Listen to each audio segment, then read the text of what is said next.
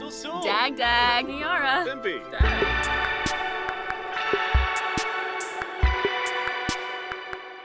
Zo zo en welkom bij deze nieuwe Plumbop podcast. Ik ben Plumbop Elias en dit is alweer de tweede aflevering, dus leuk dat je luistert. We mogen opnieuw stemmen voor het volgende accessoirepakket en de eerste stemmen zijn geteld. En daarnaast moeten we ook even spreken over een mogelijke concurrent van de Sims.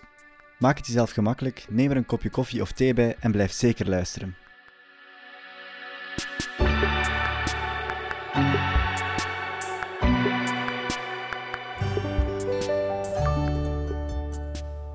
Oké, eerst moet ik meedelen dat ik dit in twee delen opneem, waardoor ik dus nu een andere stem heb omdat ik verkouden ben, en dat zal je wel horen.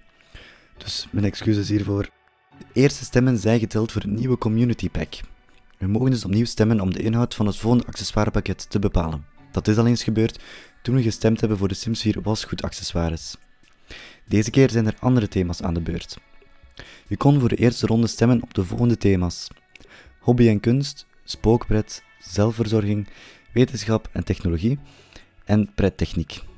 En het winnende thema is geworden hobby en kunst. Spookpret eindigde als tweede thema, daarna zelfverzorging, wetenschap en technologie en prettechniek eindigde als laatste. Ook op de spelonderdelen mochten we stemmen en die zijn als volgt gerangschikt: breien, beeldhouden, glasmaken, eetbare kunst en borduren. Binnenkort volgt de datum voor de start van de tweede stemronde. In deze ronde zal je kunnen stemmen voor de vormgeving van het pakket. Later meer hierover dus. Oké, dus ik ging het even hebben over een nieuwe game genaamd Paralives. Ik eh, kan je aanraden om er even over op te zoeken. Maar aangezien mijn stem gewoon volledig weg is eigenlijk en dit niet klinkt, ga ik het er de volgende keer over hebben.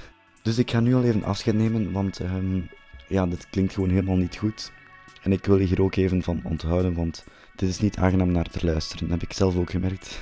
Blijf ook zeker mijn blog volgen op plumopelias.wordpress.com en natuurlijk ook deze podcast. Laat zeker weten wat je ervan vond, ook al was hij deze keer jammer genoeg een beetje kort. En abonneer je ook om up-to-date te blijven. Tot later. Dag Dag.